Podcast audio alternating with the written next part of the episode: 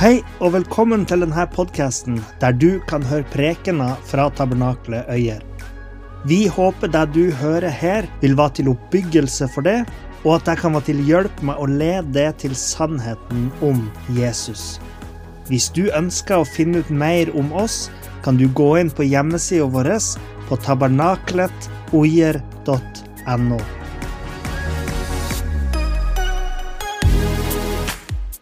Vi skal lese fra Matteus i dag, hovedsakelig fra kapittel 15. Så dere som har mo mobibel, og dere som har bibel, så er det bare å finne fram. Så skal vi lese fra vers 1. Fordi vers 1 er ofte et bra sted å begynne. Da kom det noen skriftlærde og fariseere fra Jerusalem til Jesus og sa:" Hvorfor bryter disiplene dine de eldstes forskrifter? De vasker ikke hendene når de spiser brød. Han svarte dem, Hvorfor bryter så dere Guds bud på grunn av deres egne forskrifter? For Gud har befalt og sagt, Hedre din far og din mor. Og den som forbanner far eller mor, skal sannelig dø. Men dere sier, den som sier til sin far eller mor, den hjelpen dere skulle ha fått av meg, er en gave til Gud, så trenger han ikke å ære sin far eller mor. Slik har dere satt Guds bud ut av kraft ved deres egne forskrifter.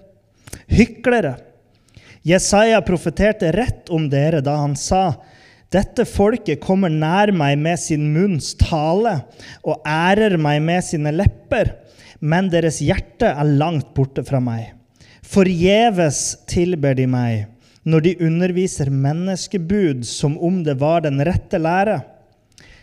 Da han hadde kalt til seg folkemengden, sa han til dem, Hør og forstå. Det er ikke det som kommer inn gjennom munnen, som gjør et menneske urent, men det som går ut av munnen, det gjør et menneske urent. Da kom disiplene hans og sa til ham, Vet du at fariseerne tok anstøt da de hørte det du sa?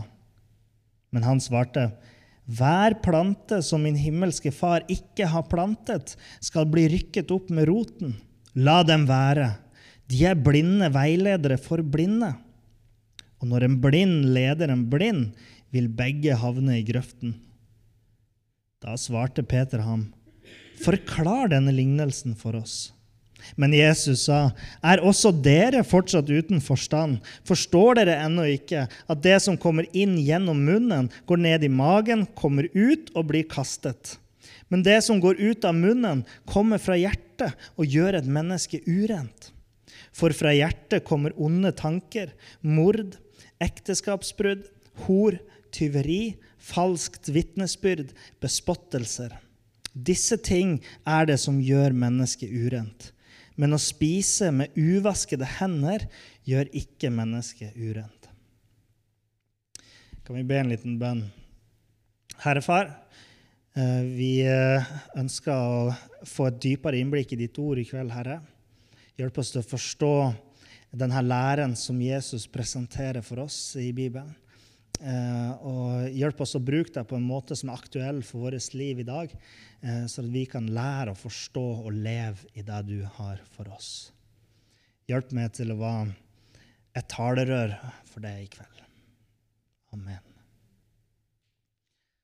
Har dere hørt om Kardemommebyen? Hvor mange her har hørt om kardemommeloven? mener jeg? Kardemommeloven.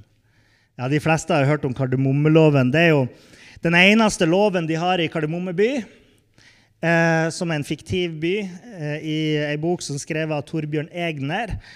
Og eh, kardemommeloven er så enkel som det her. Man skal ikke plage andre. Man skal være grei og snill, og for øvrig kan man gjøre som man vil. Det er jo en eh, ganske grei lov å forholde seg til. Det er i hvert fall ganske enkelt å huske den ene loven i byen. Eh, og til å være ei barnebok så er det liksom en grei regel man kan eh, lære ungene sine. Det er i hvert fall hvis man lever i et samfunn der alle er enig i hva det vil si at noen ting er plagsomt, hva det vil si å plage andre, og hva det vil si å være grei og snill. Og når alle er enige om det, da fungerer denne loven her. Men da fungerer den bare på bakgrunn av at man har et solid moralsk fundament å bygge på.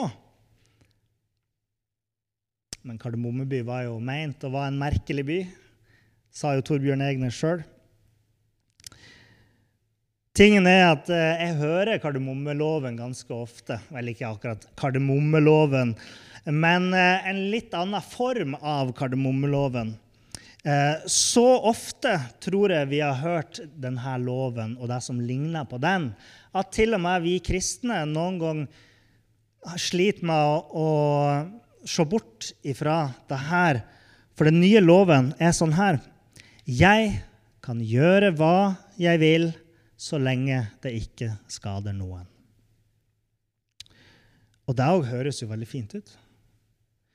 Men ut ifra det jeg sa om kardemommeloven, er det noen av dere nå skal jeg spørre dere et spørsmål, er det noen av dere som kan se et problem med denne leveregelen og gjøre den til en, en regel for ditt liv? Som den optimale, ultimate eller leveregelen? Ja. Å skade noen hva vil jeg si å skade noen? Mm, ja, la oss, eh, så la oss snakke om denne regelen. For dere har sikkert vært borti noen som har sagt det her, men det skader jo ingen. Så hva er problemet? Eh, dere har sikkert fått med dere, sånn som jeg har fått med meg i det siste, at rundt omkring så feirer man noe som heter pride. Og da feirer man eh, Man er stolt, gjerne over sin seksualitet. og og hvis man uh, har vært borti den ideologien som fremmes gjennom pride, så har man sannsynligvis vært borti denne loven på et eller annet vis. For i den sammenhengen har jeg ofte hørt at alt er lov så lenge det ikke er skadelig. Det som to voksne personer, eller tre eller fire eller fem voksne personer gjør på soverommet, skader jo ingen. Hvis en eh, mann har lyst til å kalle seg dame, f.eks., så hvorfor skal noen bry seg med det? For han skader jo ingen med det. Så spørsmålet er hva mener vi med skade?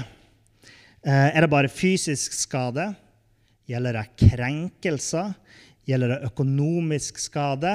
Eller synd? Eller åndelig skade? Eller psykisk skade?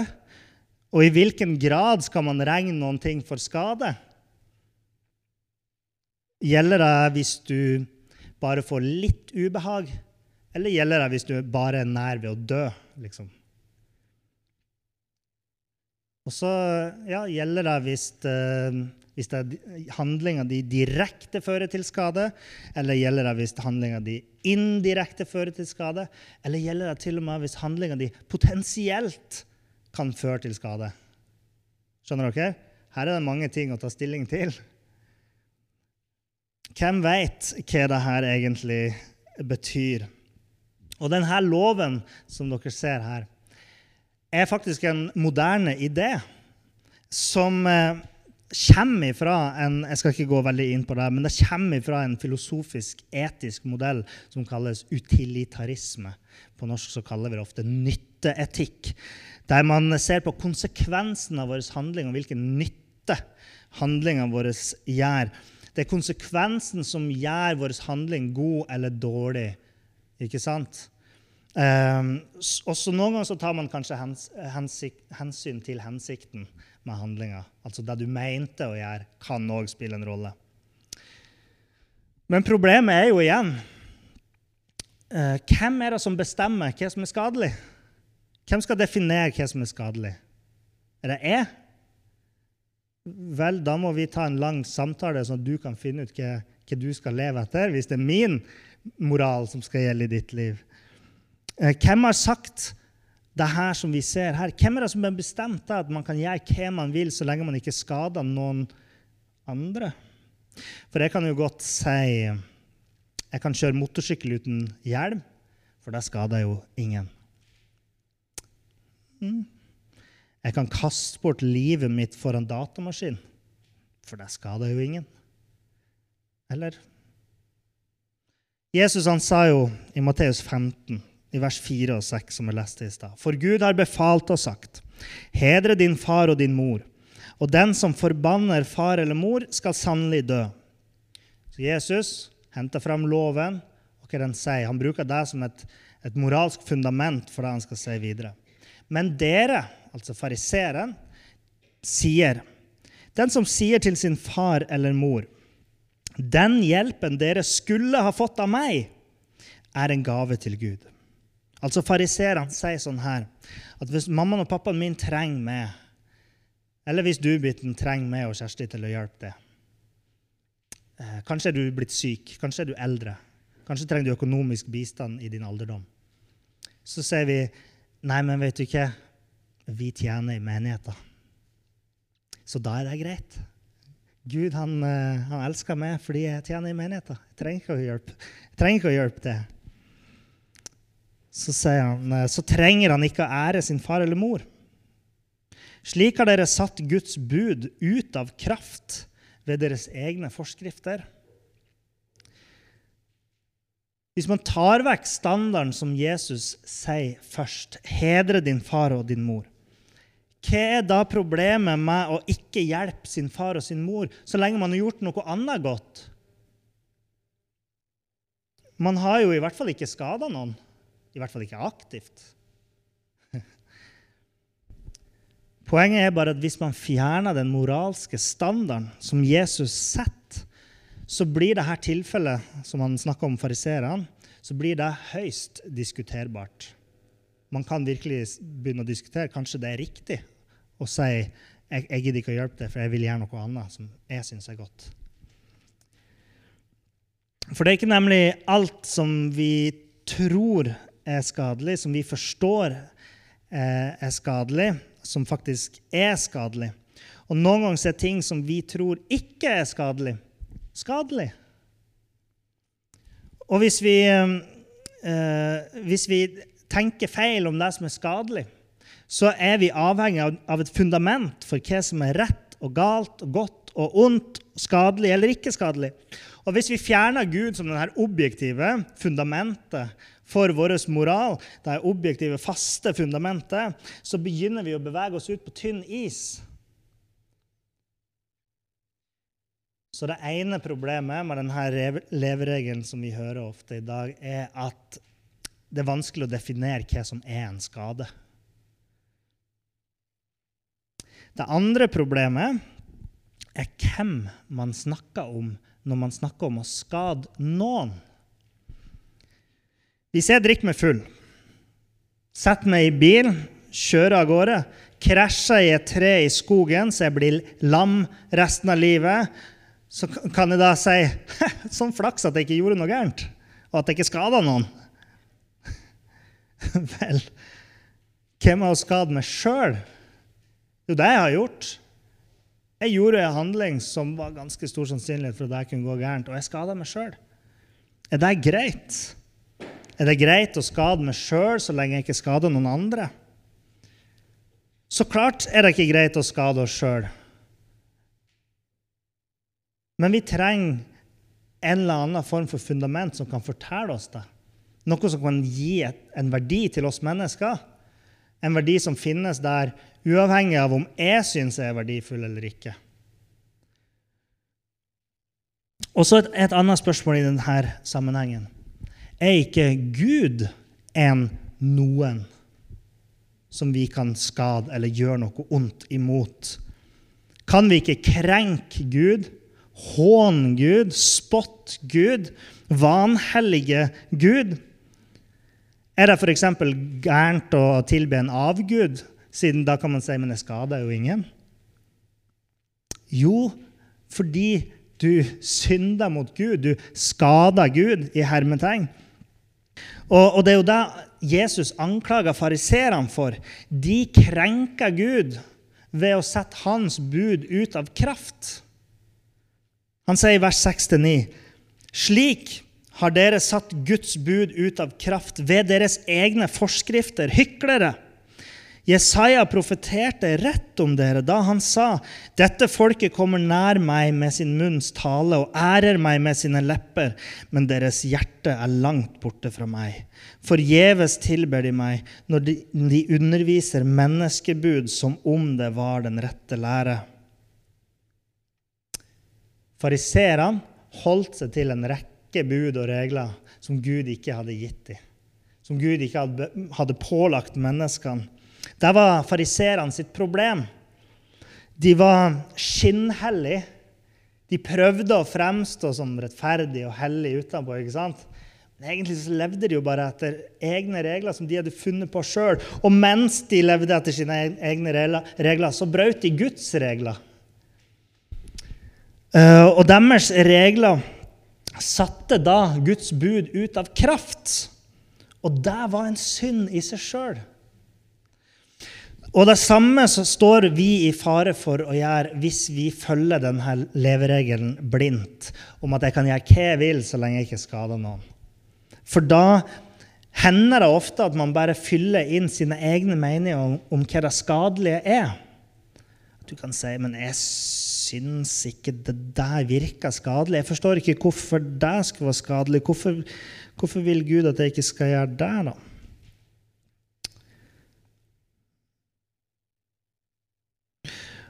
Og det er fordi at de som sier det her, de har nesten alltid glemt Gud. Jeg hadde eh, en diskusjon med en person en gang om eh, det her med homofili.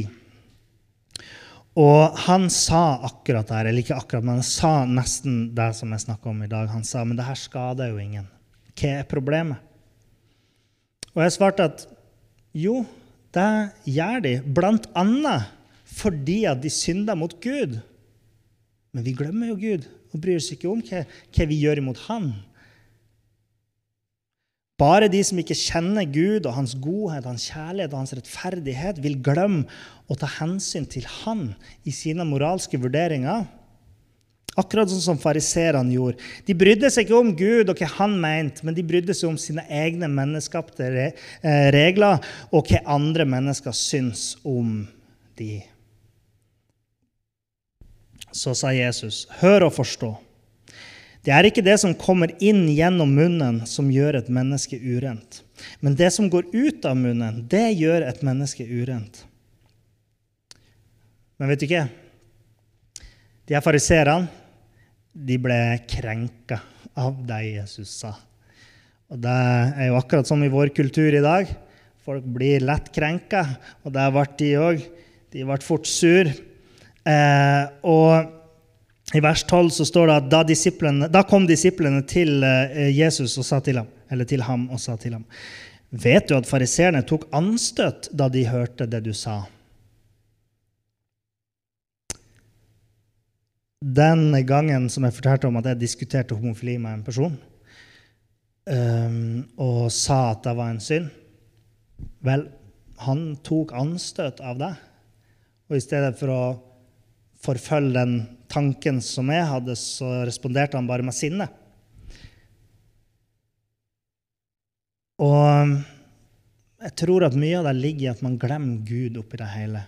Hva han har sagt han, hadde, han personen jeg snakka med, hadde ingen relasjon til Gud. Han hadde ingen tro på Gud, ingen respekt for Gud, ingen kjærlighet til Gud. Og ideen om synd og krenkelse av Guds bud var bare helt fjernt for han.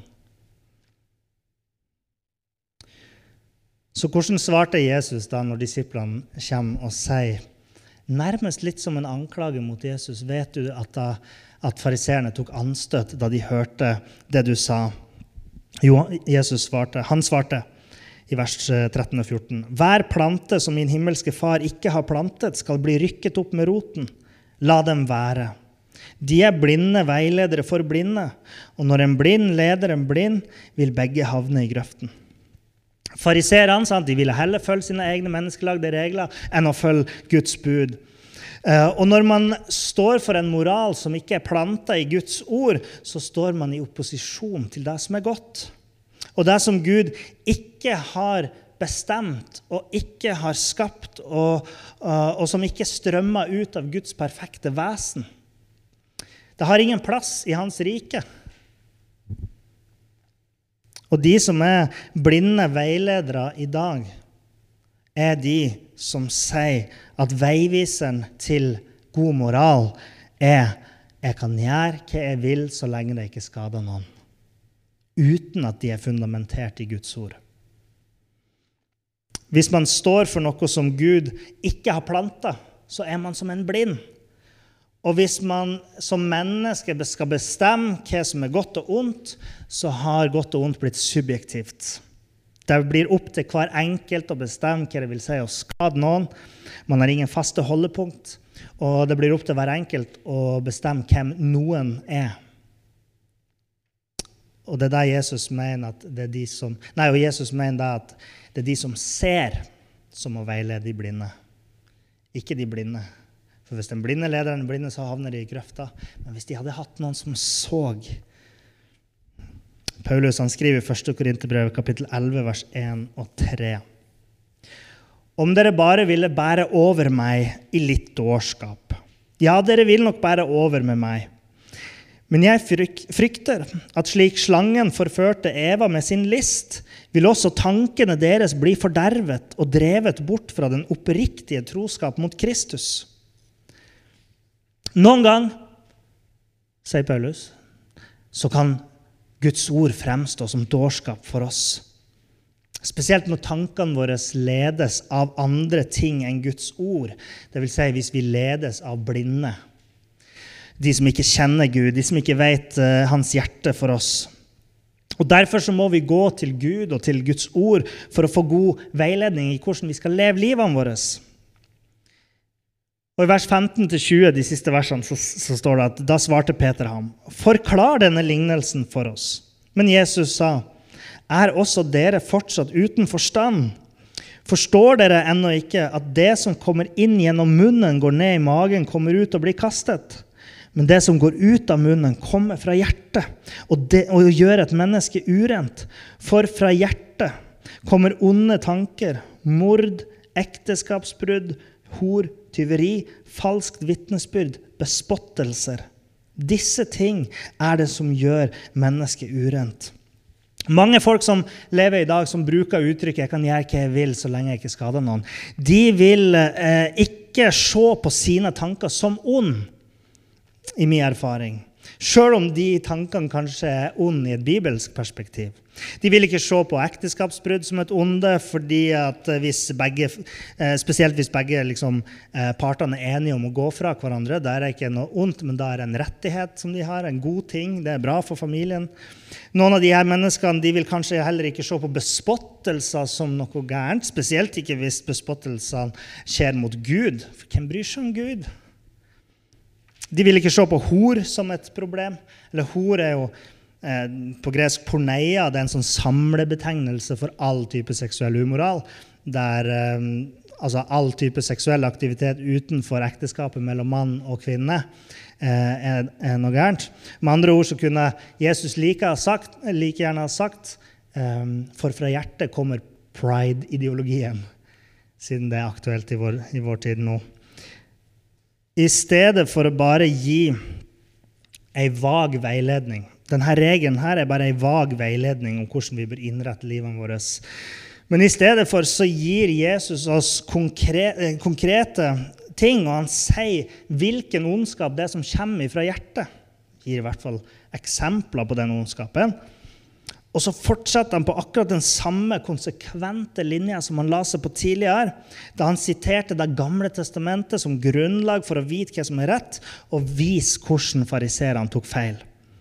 Jesus gikk til Guds ord, til Skrifta, slik vi må gjøre hvis man ønsker å lære mennesker sannheten.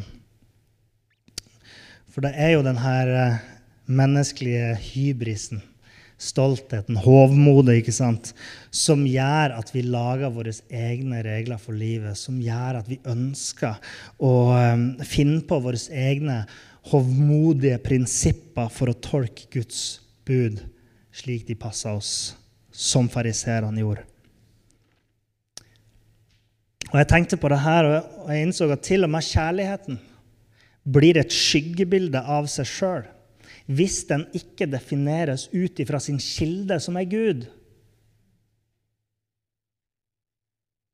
Første Korinterbrev, kapittel 13, kjærlighetens høysang. Paulus forsøker så godt han kan å si noe nyttig om kjærligheten, og jeg syns han gjør det på en god måte.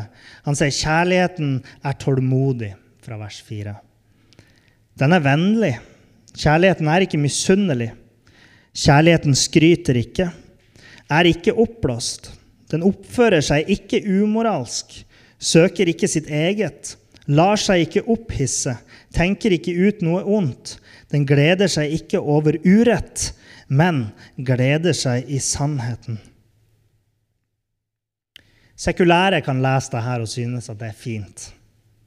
Men det er fordi at de ikke forstår hva Paulus sier når han sier at kjærligheten ikke er umoralsk, den er ikke ond, den er ikke urett, men den gleder seg i sannheten.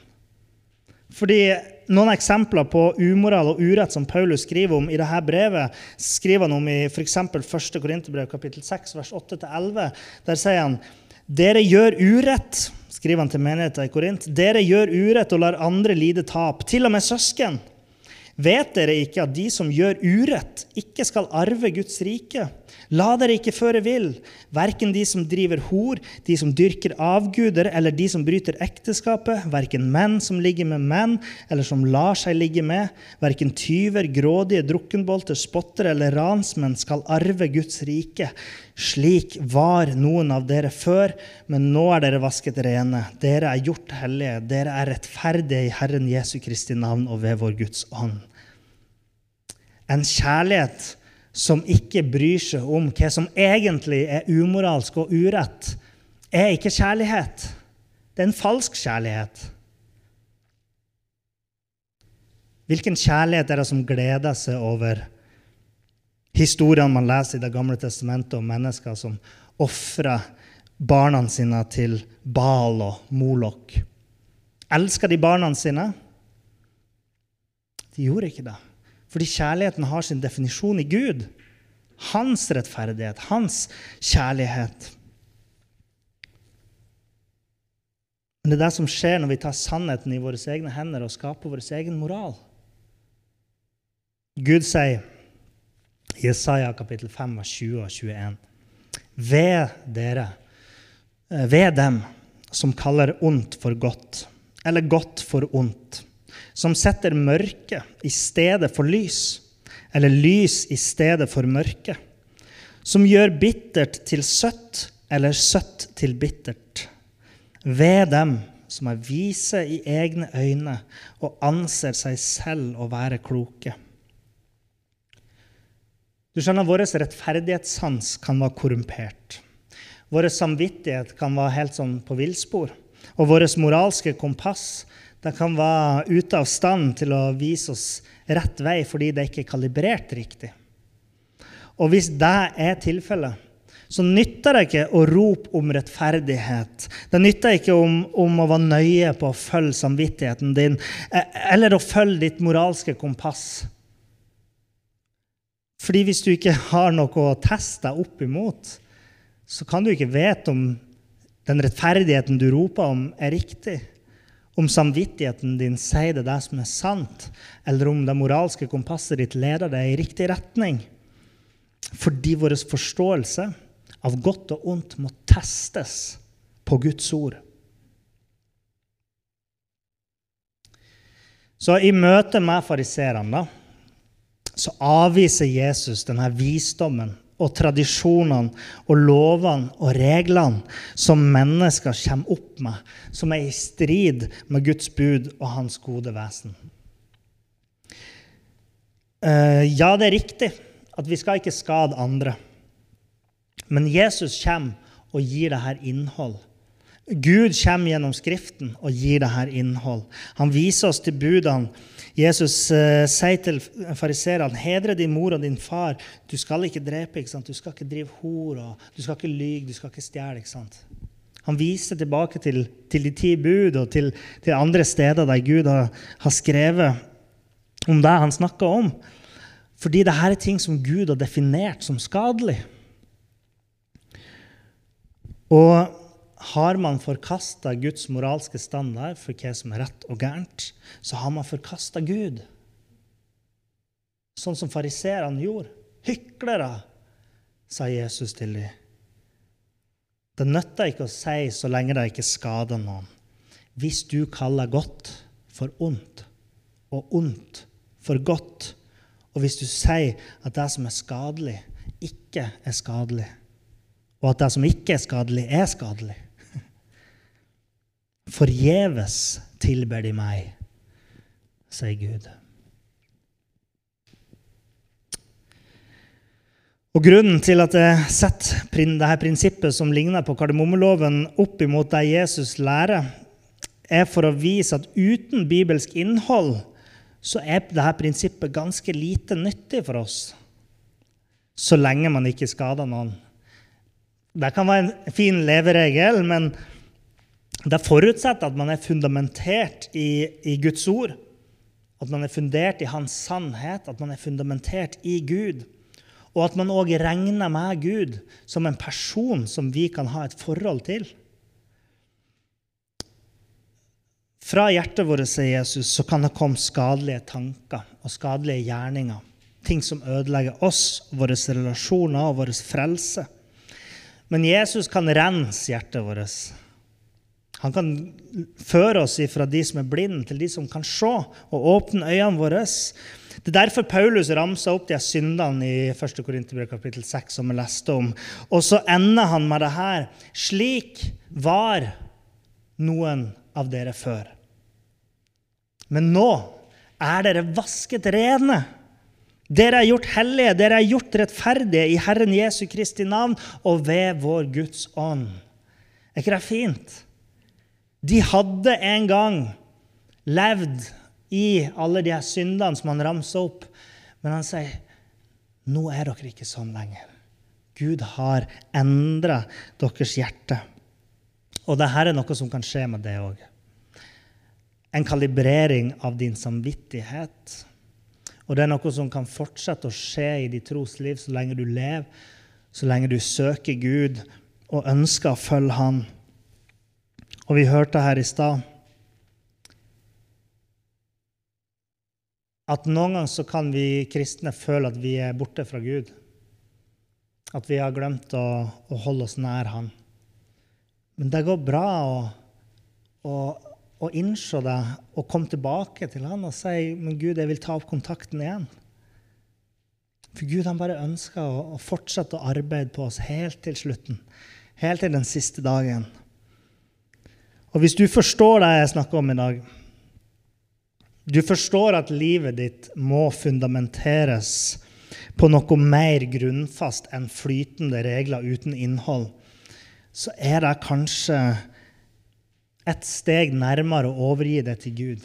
For han kan gi deg det her fundamentet. Han vil forny det, gi det nytt liv, en ny ånd og en ren samvittighet. Han vil eh, at du skal bli satt fri til å vandre i gjerninger som han har lagt ferdig for deg. Gode gjerninger, et godt liv han har for deg. Herre, du ser um, hele vårt liv. Du vet alt vi har gjort. Du vet de gangene vi har gjort noe gærent, og du vet de gangene vi har gjort noe godt. Og du hater oss ikke for det onde vi har gjort mot deg, og du elsker oss ikke for det gode vi har gjort mot deg. Men du elsker oss fordi at du har skapt oss, og skapt oss i ditt bilde, og, og har gitt oss verdi og, og ønsker gode ting for oss. Far, tilgi oss vår synd. Forlat oss vår skyld, Herre. Hjelp oss til å komme tilbake til det igjen og igjen. Herre, la oss kjenne en ren samvittighet. Hjelp oss å få et kalibrert moralsk kompass. Hjelp oss å be en bønn til deg, Herre, om at du skal hjelpe oss å se sannheten. Å forstå din lære, forstå din kjærlighet, forstå din godhet og kvitte oss med vår egen forståelse av kjærlighet, vår egen forståelse av godhet, Herre. Mm. For du ser, far, at det er vanskelig. Og noen ganger så er vi hyklere. Far, må du hjelpe oss å se deg og vende oss om fra deg. Det ber vi om i Jesu navn. Amen. Takk for at du hørte på. Hvis du tok et steg i tro i dag, eller du har noe du ønsker forbønn for, så vil vi gjerne høre ifra det via e-postadressen kontaktalfakrølltabernakletoier.no. Du er òg velkommen til våre ukentlige gudstjenester i menighetslokalet i Haugskutua 5 26 36 Øyer.